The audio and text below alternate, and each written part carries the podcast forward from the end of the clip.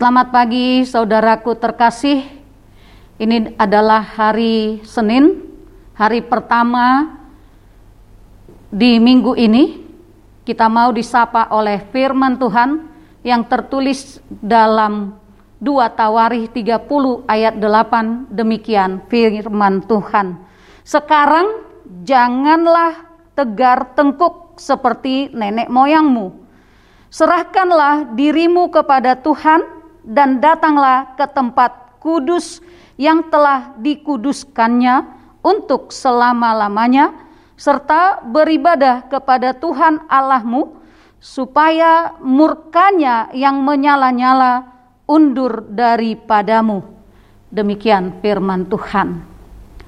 Mendengar kata tegar tengkuk atau dalam bahasa Batak dikatakan si jogal rukung pasti sudah muncul dalam benak kita bahwa orang yang dikatakan seperti itu adalah yang bersikap keras kepala, bandel, dan tidak mau turut perintah. Dan selalu keinginannya, kemauannya sendiri yang harus terjadi dan dia tidak mau mendengarkan orang lain. Diingatkan kepada bangsa Israel yang sudah disebut dengan Allah adalah bangsa yang tegar tengkuk supaya mereka jangan lagi seperti nenek moyang mereka. Tapi justru mereka diajak untuk menyerahkan diri kepada Allah, berserah diri kepada Allah, dan beribadah kepada Allah di tempat kudus yang dikuduskannya untuk selama-lamanya. Biasanya, leher itu adalah lentur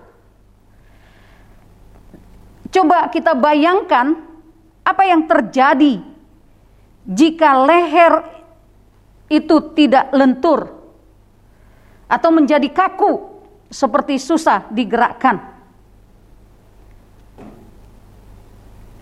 Inilah yang mau disuarakan oleh Nabi Hizkia pada saat itu supaya bangsa Israel jangan lagi tegar tengkuk dan mau berubah dari yang tegar tengkuk kepada hati yang mau mendengar, dengar-dengaran dan menuruti apa yang dikatakan oleh Tuhan kepada mereka. Inilah ajakan dari Hiskia kepada seluruh umat Israel yang datang ke bait Allah pada saat itu. Supaya mereka juga jangan meneruskan kedegilan hati mereka dan ketidaksetiaan mereka kepada Allah. Karena jika mereka berubah, uh, hukuman Allah diundur atau tidak jadi kepada mereka.